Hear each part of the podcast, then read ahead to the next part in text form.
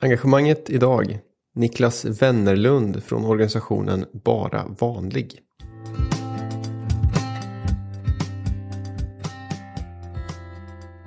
Återigen, när du pratar om andra mänskliga rättigheter att få leva, till exempel Pride, metoo, rasism. Då fylls eh, liksom Sergels torg fullt med, med personer. Men när det kommer till, till LSS som också handlar om mänskliga rättigheter. Ja, men då är det 300-400 trötta anhöriga, assistenter och assistansberättigade som, som då är där och demonstrerar. Eh, det, det skulle jag vilja förändra.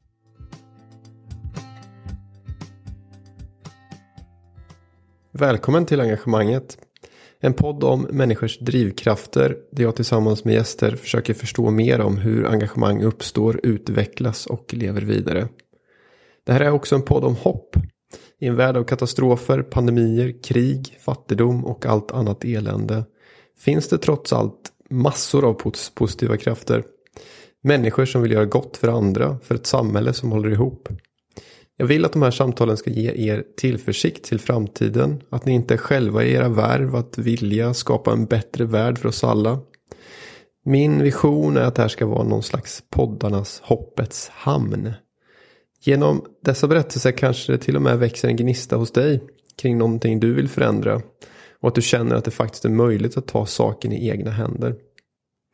I dagens avsnitt träffar du alltså Niklas Wennerlund som är grundare av organisationen Bara Vanlig.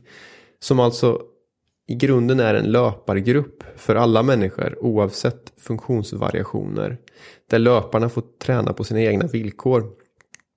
Vi pratar om frustrationen av hur omvärlden bemöter funktionsnedsatta. Om rörelsens betydelse för vårt välmående generellt. Om självbestämmande och delaktighet och inte minst om hur bara vanlig utvecklats till att bli årets peppare på Idrottsgalan 2021. Jag är hemskt glad över det här samtalet då det gav mig en anledning att fördjupa mig i förutsättningarna för personer med funktionsnedsättningar i vårt samhälle. Och jag hoppas att även du som lyssnar kommer få lära dig något nytt idag. Innan vi startar vill jag också passa på att tacka Föreningscenter Nobel 21 och KC Kompetenscenter för att de lånar ut sin studio så att jag kan spela in det här. Stort tack, ni är grymma. Om du gillar det du hör idag så skulle jag också bli hemskt glad om du vill dela avsnittet till vänner, bekanta. Kommentera och recensera och varför inte prenumerera på podden. Så då, nu vill jag presentera Niklas Wennerlund. Håll till godo och hoppas att du ska gilla det.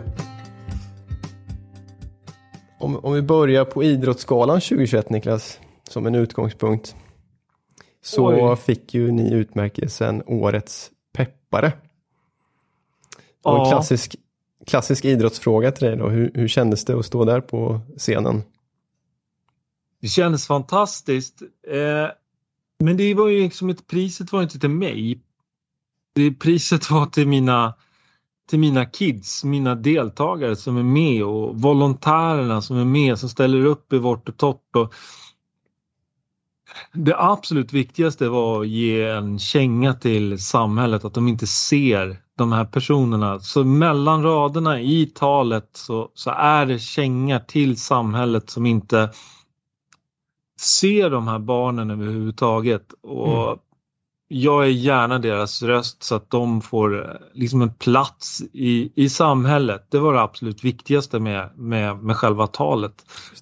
Det. Eh, och det här var tredje gången vi eh, var nominerade. Så det var tredje gången ja, som vi liksom nu då gick vi hela vägen. Och det var fantastiskt roligt att få vara med och prata i direktsändning och träffa idrottsstjärnor. Men det var ju ganska cringe när vi var liksom 15 pers mitt i pandemin. Det var, man fick ta sådana här äh, tester innan PCR-test och det var ju ingen publik så att det hade varit roligare att vinna eh, när det var liksom full idrottsskala. Men mm. ja, jag har full förståelse att det blev som det blev. Men det blev väldigt, väldigt bra och ja. väldigt lyckat. Eh, efter det så hörde folk av sig på Instagram och Facebook där vi då marknadsför bara vanlig och eh, även LinkedIn. Men det var då framförallt Instagram och Facebook som exploderade och alla ville starta nya grupper i, runt om i Sverige. Eh, jätteroligt. Men eh, jag tror jag hade tusen mail på tre dagar och jag är en sån här person som svarar på alla mail. Då tar det. Min, kollega, min kollega Malin hon sa till mig, nej men du kan inte svara på allt. Du kan skriva ett så här, tack, eh, vi hör av oss, eh, tid. Men för mig är det otroligt viktigt att få den där återkopplingen. Just det. När, det, när, det, alltså, när jag själv kontaktar någon så vill jag ha återkoppling. Jag behöver inte direkt återkoppling men ändå ett svar. Mm. Eh, så att eh, jag betade av de där mejlen. Men det börjar ju inte där Niklas. Jag tänker alltid när man får ett, en utmärkelse eller ett pris så kan det utifrån se ut som att det här var inte så svårt. Men eh, jag kan tänka mig att det här, det här är ju en resa som man gör alltid och det kanske är en mödosam resa på sätt och vis också. Bara för att sätta det här lite i kontext så kanske vi ska också börja med att eh, se på, på, på, din personliga resa då. I, eh, ni fick en dotter 92. Ert första barn. Ja, min äldsta. Ni... Det är min äldsta.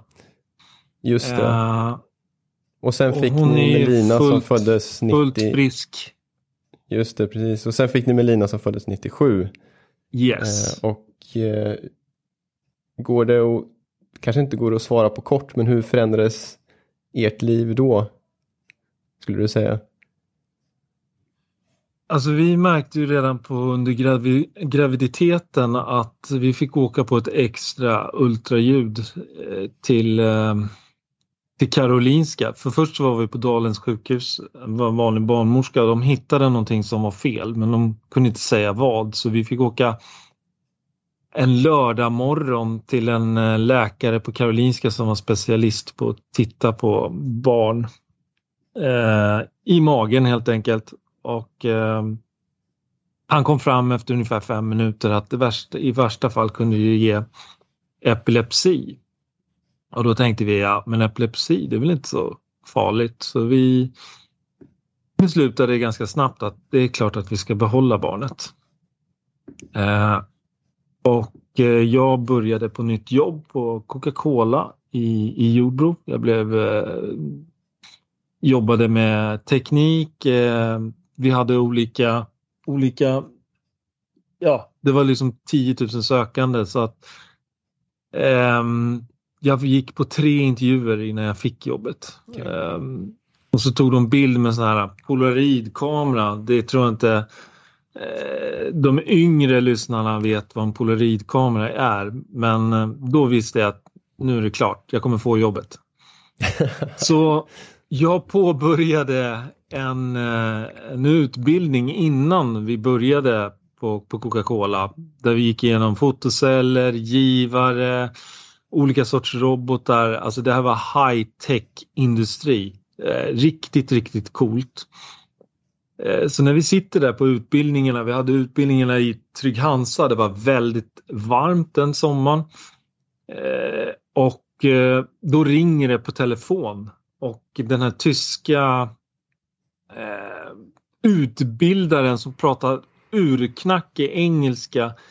Han eh, sa att jag hade telefonsamtal. Jag tänkte vem stör mig nu mitt i den här utbildningen? Och då var ju då Melinas mamma.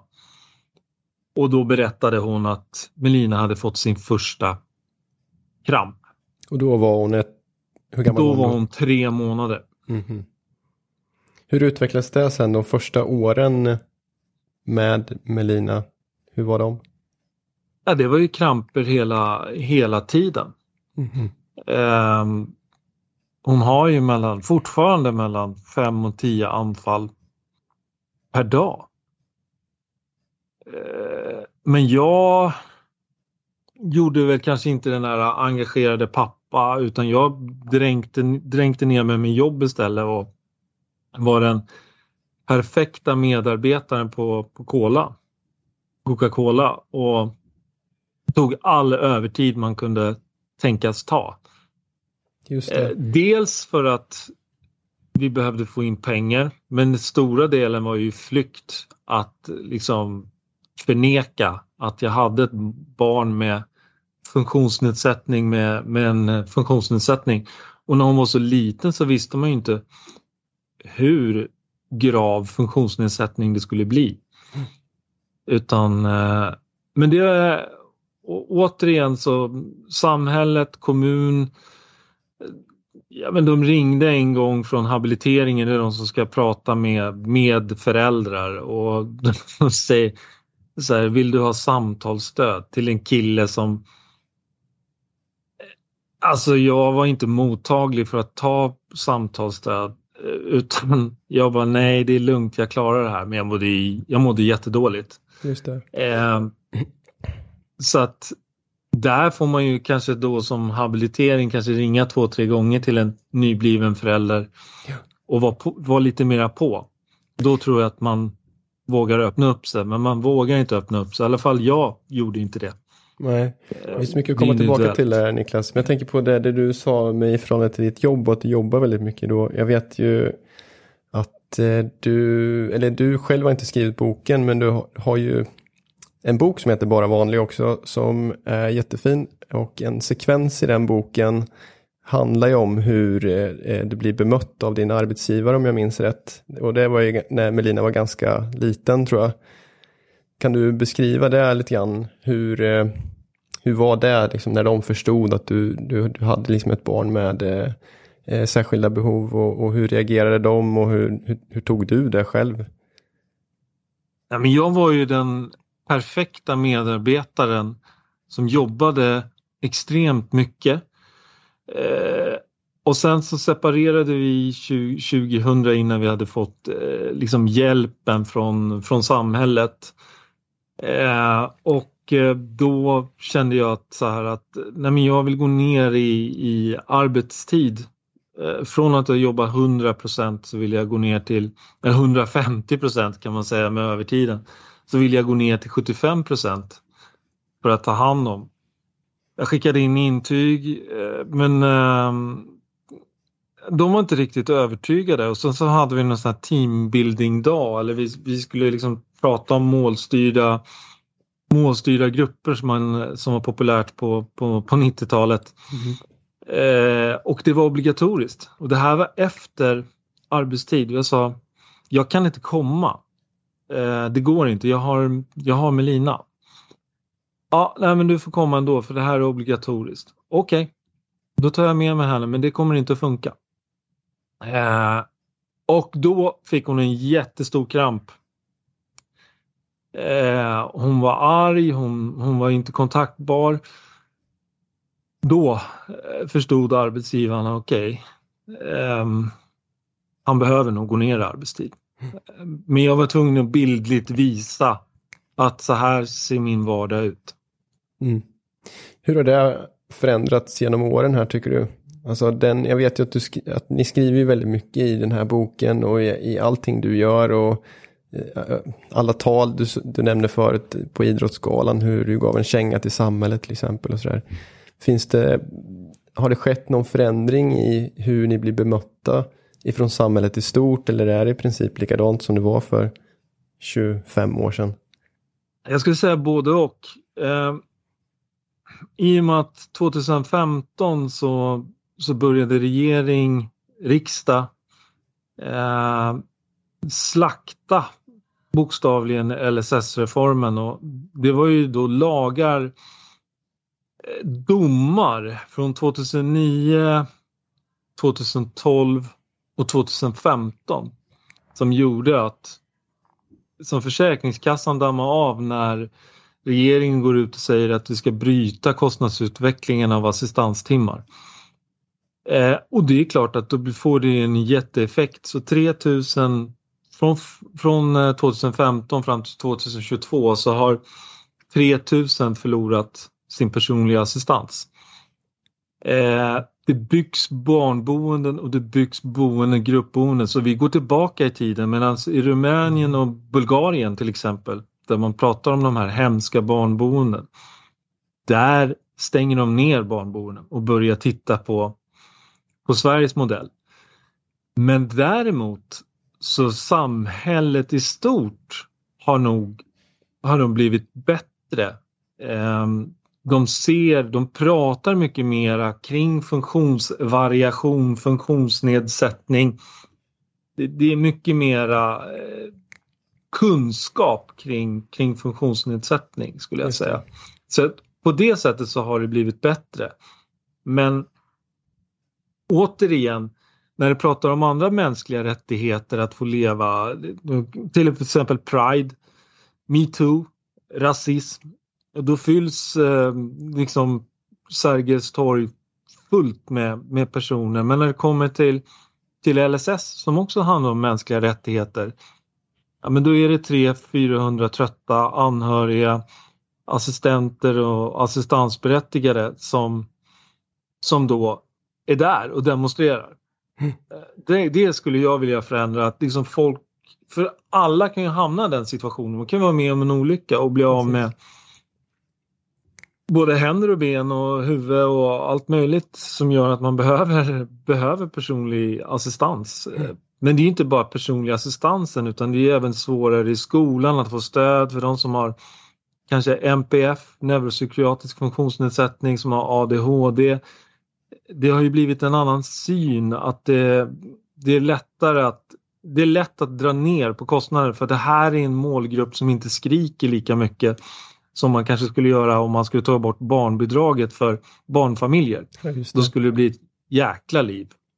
Du var inne på en sak här Niklas som jag vill följa upp och det var eh, de här två begreppen funktionsvariation och funktionsnedsättning och det kanske hänger ihop lite grann med hur vi ser på människor som har funktionsnedsättning eller funktionsvariation. Så jag skulle vilja be dig om att hjälpa mig lite grann här i hur man ska tänka om de här begreppen och vilka man ska använda egentligen? Eller hur du ser på det? Alltså, det är ju en, eh, det är verkligen en vattendelare. För att mm. det finns personer med funktions som, är, som har funktionsnedsättning. Jag känner att jag har inte tolkningsföreträde att säga det. Utan om man själv har en funktionsnedsättning eller funktionsvariation, då kan man säga, säga det. Men jag tycker väl att funktionsvariation är eh, ett bra, bra ord. Eh, men jag tycker också att funktionsnedsättning är ett, ett bra ord. Jag tycker inte att det är negativt att säga funktionsnedsättning för det handlar ju om en nedsättning som är nedsatt. Allt annat kan ju vara väldigt positivt i person. Man ser istället för att se svårigheterna, se, se möjligheterna för, för personer. Men jag kallar ju aldrig någon för deras funktionsnedsättning utan jag använder ju deras namn. Eh, så att jag vet inte om det är något svar på min... Nej, det var nästan politiskt... Ja, jag vet inte. Men, men i min värld, funktionsnedsättning använder kommuner, eh, försäkringskassa, det ordet används. Funktionsvariation är någonting som har kommit nu på senare år. Jag använder båda orden. Ja, eh, precis. Det var det så, jag tänkte säga, att jag har märkt att du använder lite olika när man hör på dig. Så ibland använder du funktionsnedsättning och ibland funktionsvariation. Det beror på vilket sammanhang skulle okay. jag säga, mm. ja, när jag använder det. Mm. Niklas, du och jag gillar ju båda springa. Ja. Tror jag. Jag misstänker det ja. i alla fall eftersom jag har startat ja. en löpargrupp. Så ja. jag är ju extra glad för att prata med dig eftersom att jag är ju själv passionerad eh, motionsidrottare och tycker mm. nog att eh, rörelse generellt sett och i synnerhet löpning kan fungera som medicin för många egentligen. Eh, och jag vet i alla fall att det gjort det för mig många gånger. När jag har varit nere på botten liksom, så jag har kunnat använda mig av rörelse för att eh, det blir som en slags självmedicinering i det. Så jag tänkte börja med att fråga så här, hur, hur, tänker du om rörelse och vilken, vilken betydelse har träning haft för, för dig själv och för er familj kanske? Jag, har ända sedan jag var liten så har jag alltid tyckt om att, att röra på mig. Jag har hållit på med kampsport, jag har hållit på med fotboll, jag har hållit på med racketsport, jag har hållit på med styrketräning.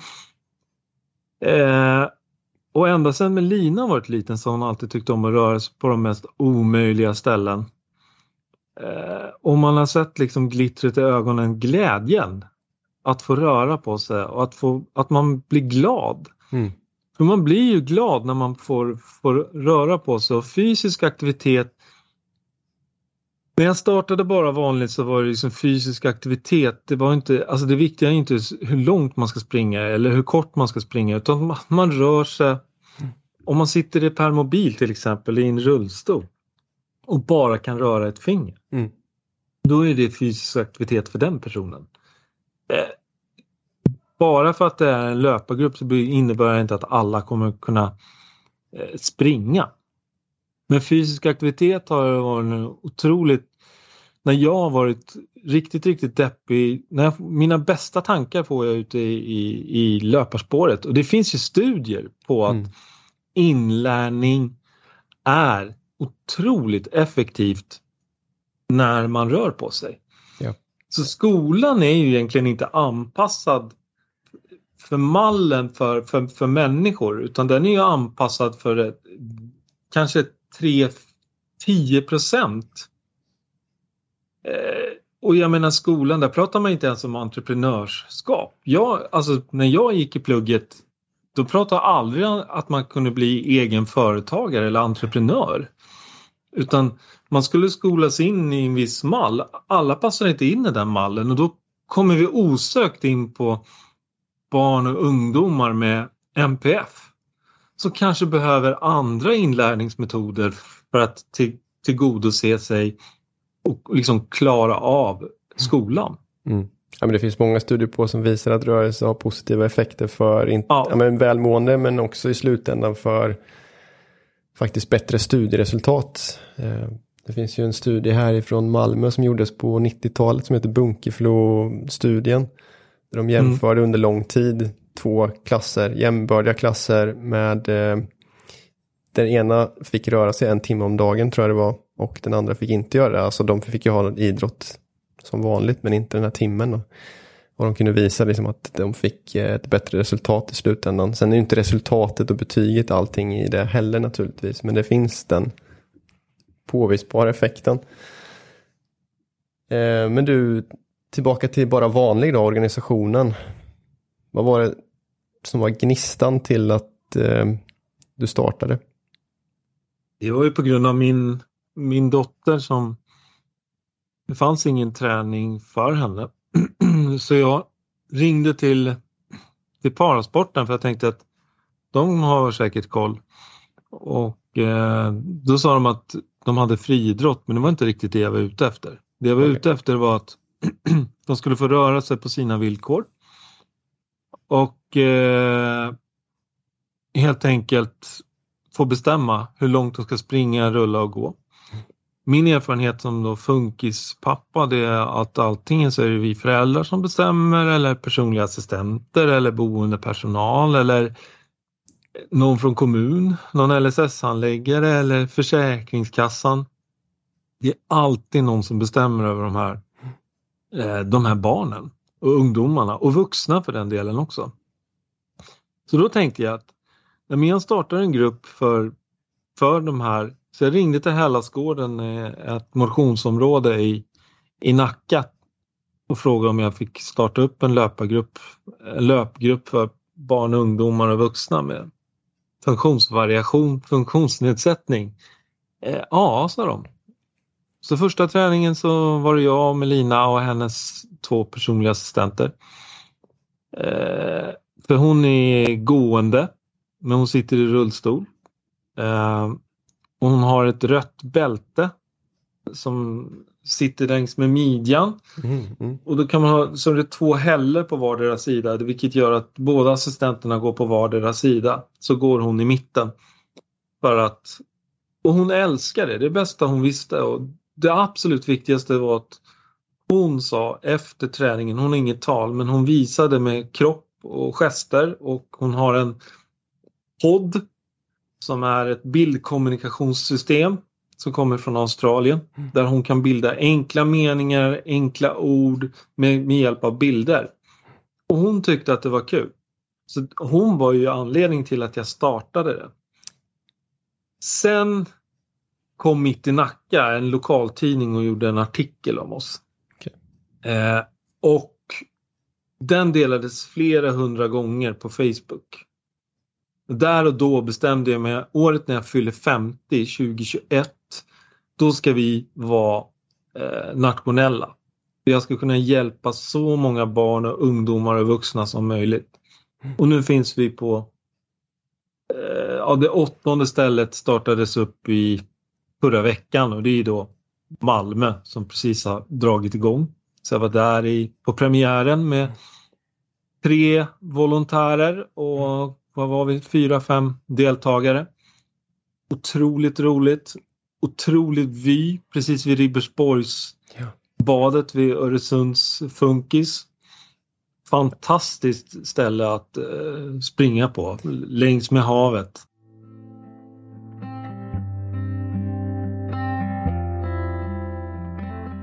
En rolig grej Niklas, som jag såg ett klipp på YouTube med dig och Melina var att jag kanske ställde frågan till dig fel nu varför du startade Bara Vanlig.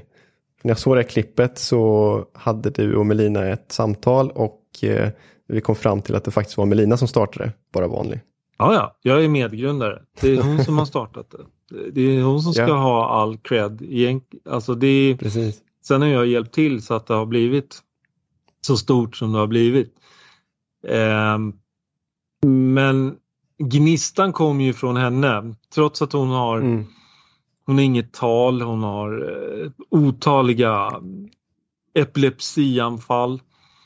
Men hon är en av de mest positiva människorna jag känner. Jag har fått lite av hennes tålamod och eh, vinnarskalle.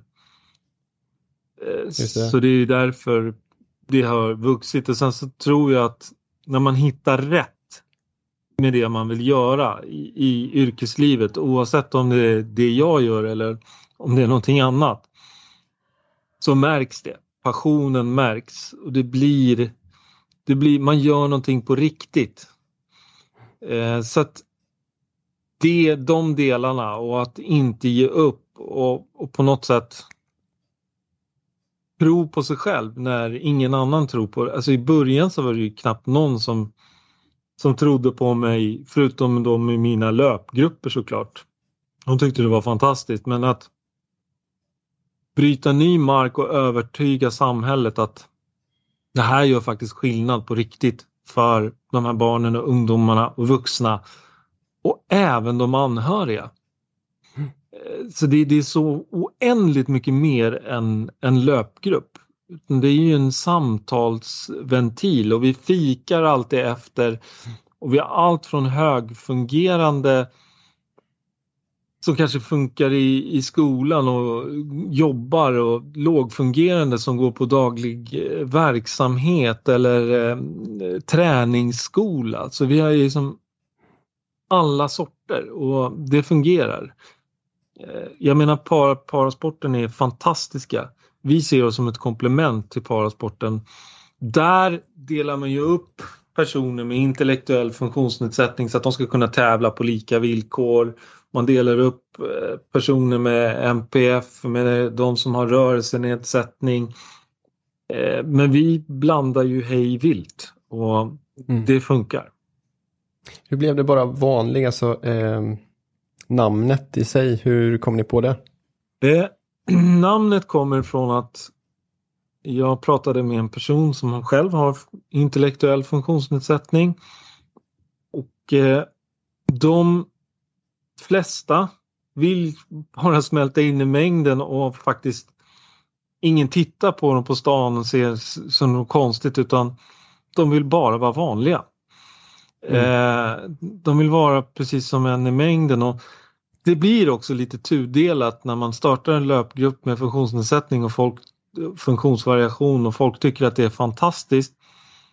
När de egentligen bara tränar precis som du och jag. Det är ingen som står och jublar i spåret när jag är ute och springer halv sju en morgon. Nej, eh, utan då inte. väljer man att springa ett lopp i så fall. Mm. Det här är ju vardagsmotion, vardagsträning. Så det, det är lite tudelat tycker jag där. det får inte bli för mycket jippo. Och vi ha, jag hade en deltagare som på Hellas som sa att då hade vi haft många journalister där flera gånger, gjort artiklar. Och till slut så säger han till mig så här, men jag vill inte vara med om det ska komma journalister, jag är bara här för att träna. Just det. det fick mig att stänga liksom media i ett halvår. Eh, mm. och det ringde folk från media som ville komma och göra artiklar och jag förklarade av den anledningen att nej, ni får inte komma på grund av det här har blivit lite för mycket. Så det är hela tiden en balansgång när man synliggör. Mm. Det får inte bli eh, cirkus utan det måste vara en balans. Och den är svår ja, att, eh, att, att hålla. Vi mm, jobbar ju mycket med social media. Så att det är en, ja, det är en utmaning. Ja, det, det, det, är det ju för att ni vill fortfarande få uppmärksamhet för att kunna växa verksamheten. Ja. Antar jag. Så, eh, om man går tillbaka till det vi var inne på förut kring fördomar. Vad är det, vad, vad är det vanligaste ni möter fortfarande? Kring personer med funktionsnedsättning? Eh, det, finns så, det finns så olika. Det, oftast så är det någon, kanske personen har ett, kanske inte har tal och inte har något, man låter på ett visst sätt. Bebisar de får låta hur mycket de vill på tunnelbanan. Det är ingen som, det är ingen som bryr sig. Men om Melina till exempel uttrycker sig, ibland så hör man om det är argt läte och ibland är det ett glatt läte. Eh, folk tittar. Eh, ofta säger de ingenting men man ser att de liksom tittar bort och tycker att det är jobbigt. Det, det stör dem i deras vardag när de sitter och scrollar med sin, sin mobil. Eh, men sen är det också så här att vi anhöriga och även de med funktionsnedsättning att de ses som det var ju regeringen som lyckas, lyckades med det att säga att alla är fuskare. 10% fuskade inom personlig assistans. Mm, eh, mm. och så kommer man fram till när funktionshindersrörelsen går igenom, tar fram riktiga siffror, så rör det sig om halv procent. Alltså, okay. att bli utmålad på det sättet, det är inte speciellt snyggt. Och de har ju inte bett om ursäkt.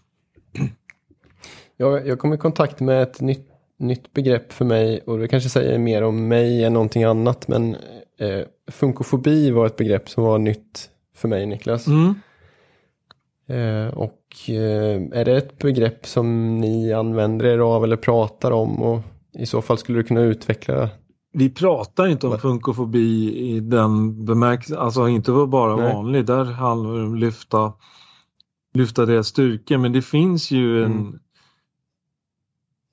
Det finns ju fördomar om personer med funktionsnedsättning, funktionsvariation och folk pratar inte om det. Det är mer det här tysta eh, tysta fördomarna. Ibland så säger folk till eh, jag har, en, jag har ett exempel i min bok eh, som när jag ska gå och hämta köttfärs eller mjölk, jag kommer inte ihåg, i butiken och Melina sitter i sin, sin rullstol och eh, hon får syn på någon grej i hyllan, i, i varuhyllan med mat och river ner den. En äldre dam går fram och slår henne på fingrarna.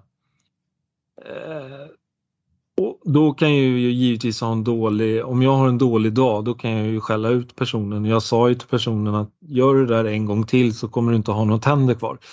Eh, det är ju helt fel retorik.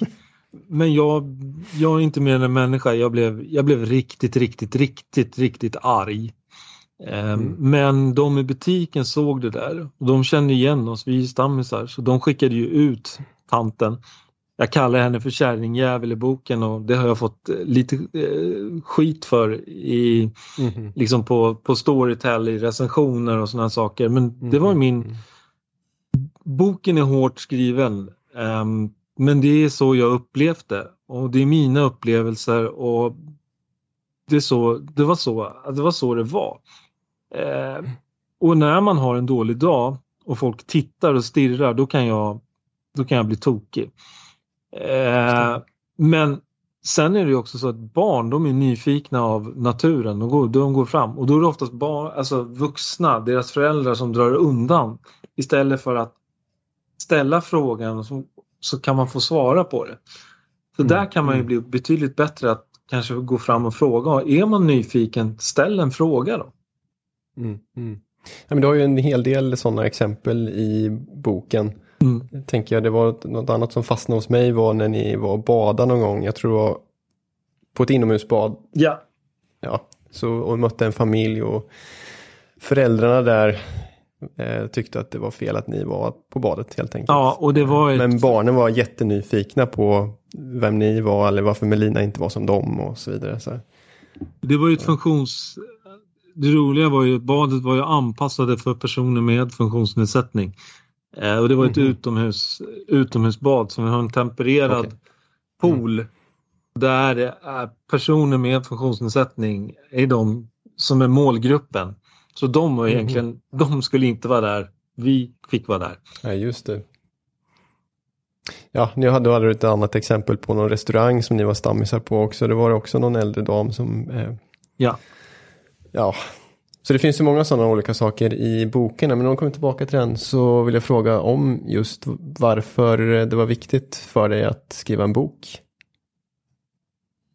För att jag hade ingen bok när jag var nybliven förälder. Kan det där hjälpa andra föräldrar att, att eh, jag målar inte upp allting nattsvart. Det finns ju också positiva glimt, väldigt mycket positivt mm. i boken. Eh, det beror på, alltså allting är inte svart eller vitt. Antingen så är det ju, men jag beskriver himmel och helvete i boken.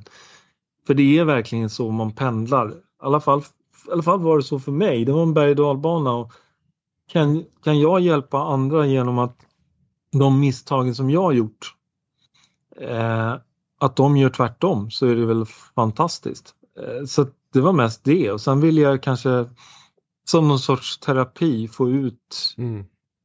mina känslor och beskriva från mitt perspektiv hur det verkligen var. Vad har du fått för respons då Niklas? Det har varit blandat. Mm. En del har tyckt att den är otroligt eh, ärlig och rak. Och samtidigt när den har varit så ärlig och rak så har jag också fått kritik för det. Mm. För att den har varit för hårt hårt skriven. Många som har skrivit de här eh, funkisböcker upplever jag har, skrivit, har bara skrivit det, det positiva. Men inte skrivit det mörka eller tvärtom, bara skrivit om det mörka. Jag ville få med en kombination av, av, av båda. Just det. Så. Så att eh, ja, den har väl inte sålt så superbra men jag tycker det var kul att få ut en bok i alla fall. Men jag lyssnar på den, jag uppskattar den också. Mm.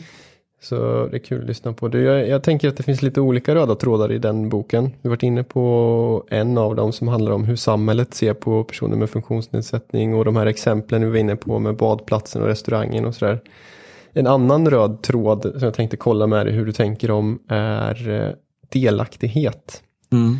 Eller kanske ett bättre ord som inte jag hittar riktigt på svenska men empowerment. Ja.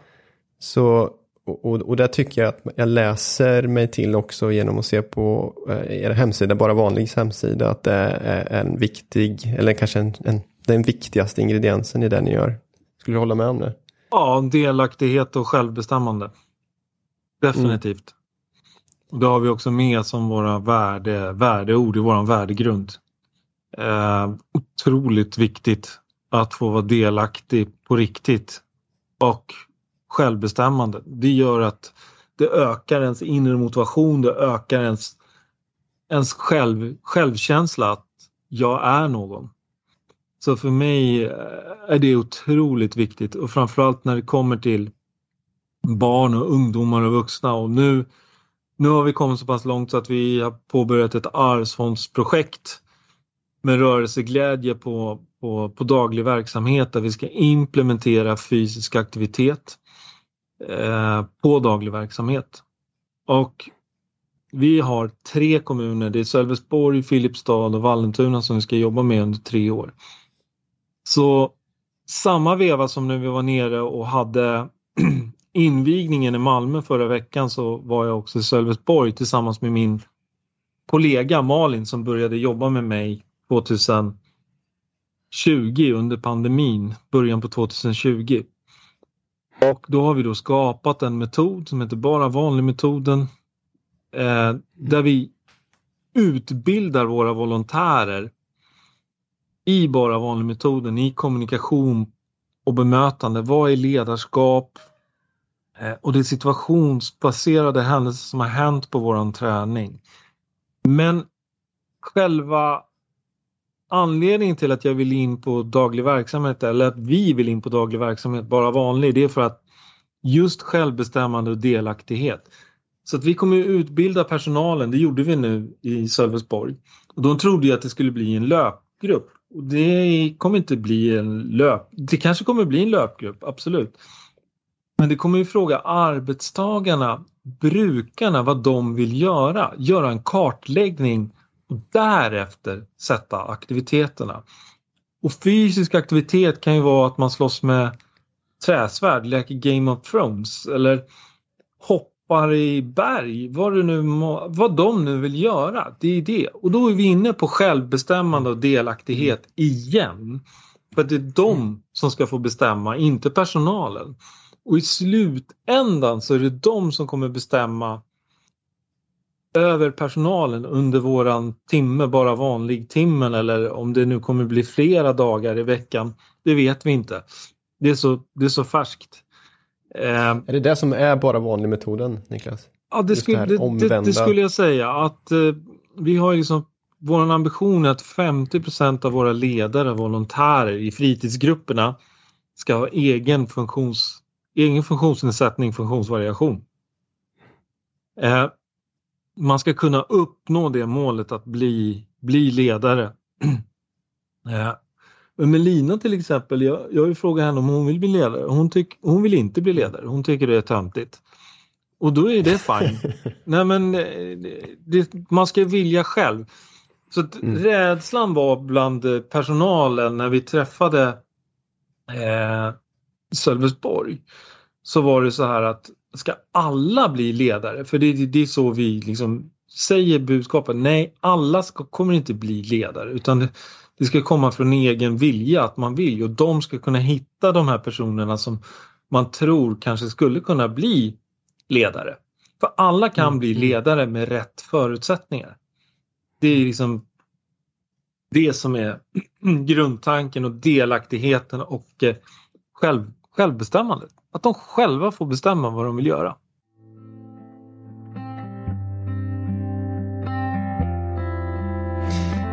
Jag skulle vilja komma tillbaka till en grej som vi var inne på förut där Niklas. Eh, och jag tänker att eh, alla som blir föräldrar går ju igenom någon slags eh, resa. Alltså man utvecklas förmodligen till det bättre.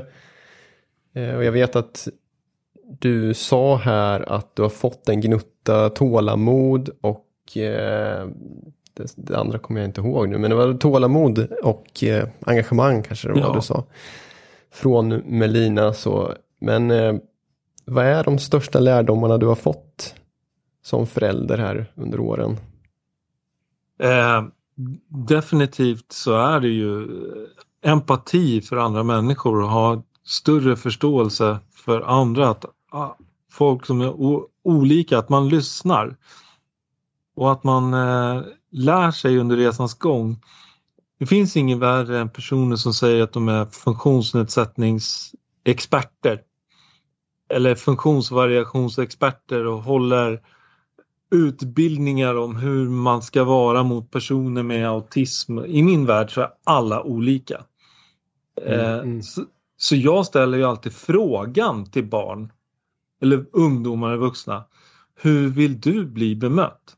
Och 99% av fallen så svarar de för de är inte vana att en vuxen ställer frågan till dem utan de är vana att de ställer den till föräldern eller ställer till någon annan skolpersonal. Och när man har möten då sitter det, det sitter det vuxna och beslutar om, om barnet. Barnet är inte ens med i, i diskussionen. Mm. Mm. Så är det någonting jag lärt mig så är det empati och framförallt lyssna. Lyssna in på vad barnet eller ungdomen eller den vuxna vill. Fråga. Det är inte, alltså det är inte svårare än så utan engagera dig i, i personen och lyssna. Då kommer du jäkligt långt. Att inte ge upp tror jag det var du sa också. Att inte ge upp och det tänker jag kanske också är en eh, framgångsfaktor för om man ska vara entreprenör som du själv beskrev det som förut här. Att inte ge upp när man får ett nej till exempel från den första man frågar eller när någon säger att ah, men det här tycker inte det är en bra idé det du sysslar med och så vidare. Men ändå tro på sig själv och bara fortsätta traggla på på något sätt. Jag tror att man, man hittar, hittar man sitt varför som är väldigt mm. klyschigt. Mm. Men hittar man sitt varför, varför man gör det här. Mm. Gör man det för att tjäna pengar eller gör man det för att innerligt vill hjälpa andra människor? Det spelar ingen roll vad det är för någonting.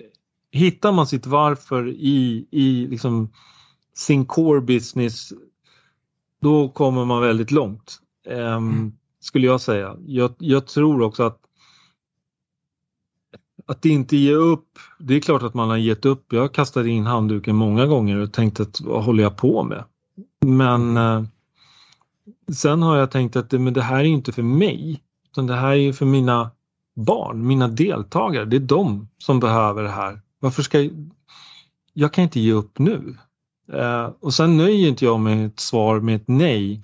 Till exempel om man gör en ansökan då ringer jag, mejlar. För vi kan omöjligt ha fallit på alla parametrar, ofta så kanske det är en eller två parametrar. Då blir jag förbannad i tre, fyra dagar. Mm. Och sen, mm sen så kanaliserar jag den ilskan och börjar fundera på hur ska jag lyckas få, få in den här finansieringen så jag kan hjälpa, hjälpa fler. Just det. Samtidigt eh, tänker jag på balans i livet, Niklas. För när man eh, är som du och eh, eh aldrig ger upp och vill ge allt liksom för, och det vill de flesta ge allting för sina barn så på det sättet.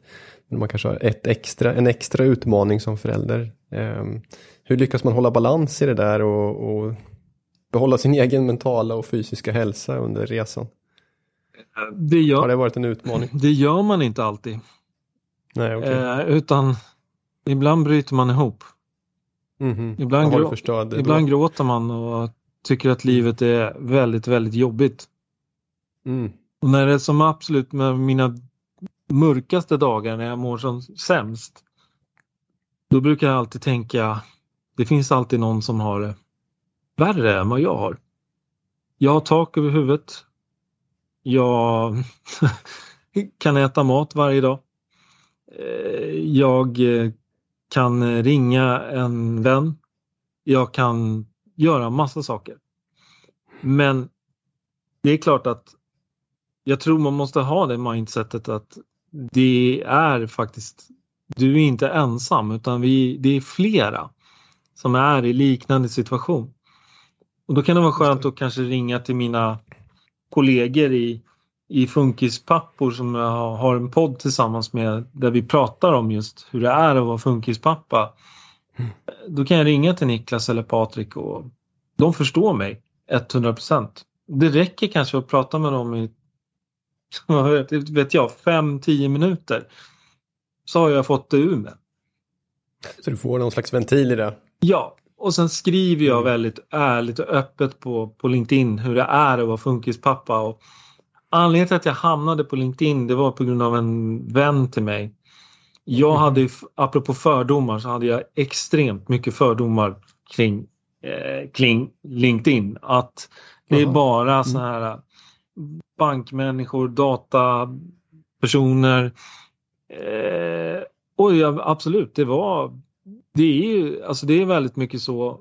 Men det är också just därför så sa han, för han jobbade inom IT, min kompis, han sa just därför ska du vara där.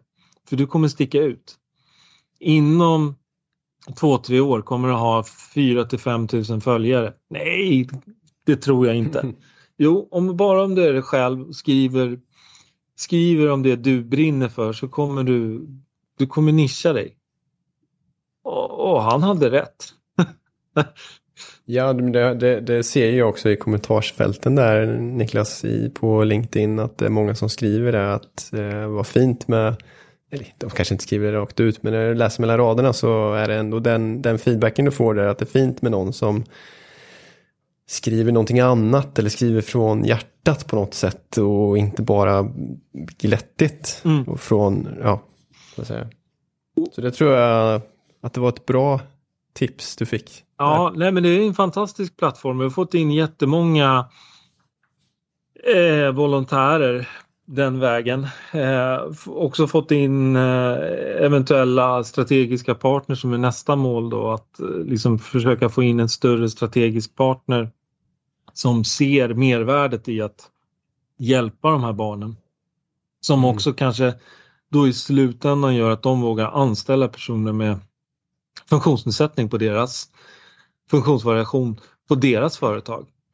Eh, så i det stora mm. hela så vill jag nu som generalsekreterare, jag var verksamhetsansvarig, så ville jag opinionsbilda i LSS och prata om de positiva exemplen, lyfta de här personerna så mycket jag bara kan. Så det är liksom nu jobbar jag mer eh, som volontärsamordnare men när jag är ute och föreläser, pratar om min resa, pratar om Bara Vanligs resa och se människan bakom funktionsvariationen, funktionsnedsättning, se styrkan, våga. Våga se det. Då har man kommit väldigt långt. Eh, och det tror mm. jag folk behöver höra eh, för att eh, förstå hur det faktiskt är på riktigt.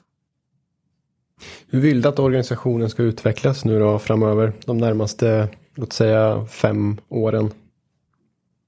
Eh, ja, vi vill ju in i kommunerna.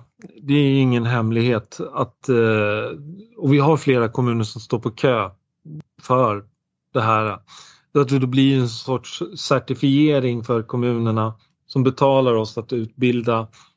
Eh, så det ser jag som ett steg att vi ska finnas i flera kommuner.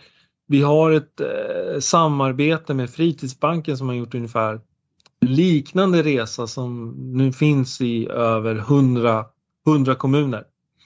Mm. Eh, de, de har som ett sportbibliotek kan man säga, där man får låna, låna olika sport sportgrejer så att man kan träna. Man kan låna en fotboll, man kan låna ett fotbollsmål, man kan låna... Nu har de också kommit in i para så de har para idrottshjälpmedel. Eh, man kan låna en biski, man kan låna en eh, frame runner, alltså allt möjligt. Och där var ju vi med i Arvsfondsprojektet i referensgruppen och, och så att titta mycket på hur de jobbar och sen givetvis att vi kommer finnas i, alltså mer fritidsgrupper ute i landet. Eh, en volontärsamordnare som har hand om det på ett kontor. Vi kommer få ett kontor någon gång i, i oktober. Det är ett jättesteg okay. från att jobba hemifrån. Och många tror att vi, vi har haft kontor, man har haft möten så här, ja, och då har jag haft möten i sovrummet som, som nu. ja, ja. Så att jag menar, eh, och att man har ett verksamhetsstöd som gör att man kan ta ut en, en lön. Ingen, eh, men man måste också kunna betala mat och hyra. Och, ja. och att min dotter som är 25, att hon får flytta hemifrån. Att hon får bo med sina assistenter i en egen lägenhet. Det är min högsta dröm. Att hon ska mm. få frigöra sig från, från mig. Hur ser, den, eh, hur, ser den, hur ser den statusen på det ut då nu? Är det... det är otroligt svårt att få tag i bra personliga assistenter. Och då kommer mm. vi tillbaka till samtalet 2000, eh, alltså 2015 fram till, till mm. nu så har det ju mm. Det är ju ingen som vill ha ett jobb där de tror att de kan bli av med, med jobbet. Där det är en osäkerhet. Lönerna har ju inte höjts schablonbeloppet har inte höjts på flera år. Vilket gör att det blir ett lågstatusyrke. Mm. Och Arbetsförmedlingen skickar dem som eh, personer som knappt kan, kan svenska. Det blir väldigt svårt med en person som har svåra kommunikationssvårigheter att anställa en person som knappt kan svenska. Men det ser, mm. personlig assistans eller personlig assistent ses som ett genomgångsyrke och inte som ett riktigt yrke. Så jag tycker att man ska höja, höja kompetensen, höja lönerna så att vi får in bra personal som, som brinner för, för att jobba med, för det är ett fantastiskt yrke om man liksom träffar rätt brukare och man kan utvecklas i det. Men det är många mm. som har den föreställningen att Ja, men till exempel på LinkedIn, jag har lagt ut ibland annonser, personlig assistans och så är det någon som har skrivit att Ja, men min dotter hon, eh, hon, har, hon har precis gått ut skolan i gymnasiet och hon skulle passa perfekt mot att jobba som personlig assistent. Ja, kanske med rätt upplärning, rätt introduktion. Men det är inte självklart. Utan Nej. det är ett yrke som man måste, man måste lära sig.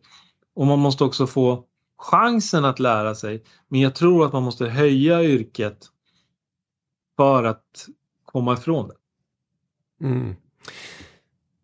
Helt avslutningsvis, Niklas. De, den som lyssnar på det här och känner att de vill bidra till er organisation eller ja, till personer med funktionsnedsättning generellt sett. Hur gör, hur gör man då för att bidra till Bara Vanlig? Ni etablerar ju, som du sa, på massor av olika ställen här runt omkring i Sverige och nu senast i Malmö. Hur skulle jag och andra Malmöbor kunna se till så att eh, rörelsen får vingar och växer så att säga? Vi behöver ju medlemmar så man kan ju bli mm. stöd, stödmedlem. Trots att man inte är med och tränar så kan man bli stödmedlem för 100 kronor om året. Eh, man kan ju också swisha ett, ett, ett bidrag om man vill. Um, och om man som företag känner att men det här är någonting som jag verkligen vill, vill jobba med och samverka med tillsammans. Vi ser som långvariga strategiska partners att det ska ge någonting till företaget och vi ska kunna ge tillbaka någonting till företaget. Och då är det då föreläsningar, utbildningar i bara vanlig metoden och kanske synen ändra synen på, på personer med funktionsnedsättning, funktionsvariation som vi kan hjälpa till med. Vi kan hjälpa till med kanske tillgänglighetsperspektivet. Eh, det finns enorma eh, samarbetsmöjligheter med, med rätt företag. Eh, och som privatperson så kan man alltid swisha, det hjälper oss. Kunna köpa in kläder till våra deltagare, eh, verksamhetsstöd och de bitarna och vi redovisar varenda krona som vi, som vi använder och vi har också en eh, extern revisor som är ett krav när man jobbar med eh, ideellt när det kommer till eh, arvsfonden. Toppen, fint Niklas. Det var bra konkreta tips. Jag är eh, superglad att du ville ta en liten stund med mig här på måndag morgon. Eh, och eh, du får säga till på det sätt jag kan hjälpa dig och jag sprider ordet kring Bara Vanlig här i Malmö såklart.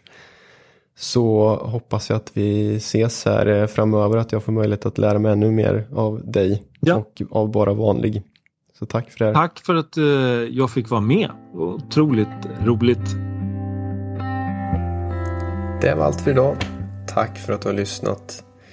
Om du gillade det du hörde så skulle jag bli hemskt tacksam om du delade avsnittet vidare i ditt kontaktnät. Jag skulle också uppskatta om du vill recensera avsnittet, lämna en kommentar, reflektion eller helt enkelt ge mig ett förslag på vem jag borde träffa härnäst i podden. Numera hittar du även engagemanget på Instagram där jag kommer att göra löpande uppdateringar om podden. Allt gott och ta hand om dig.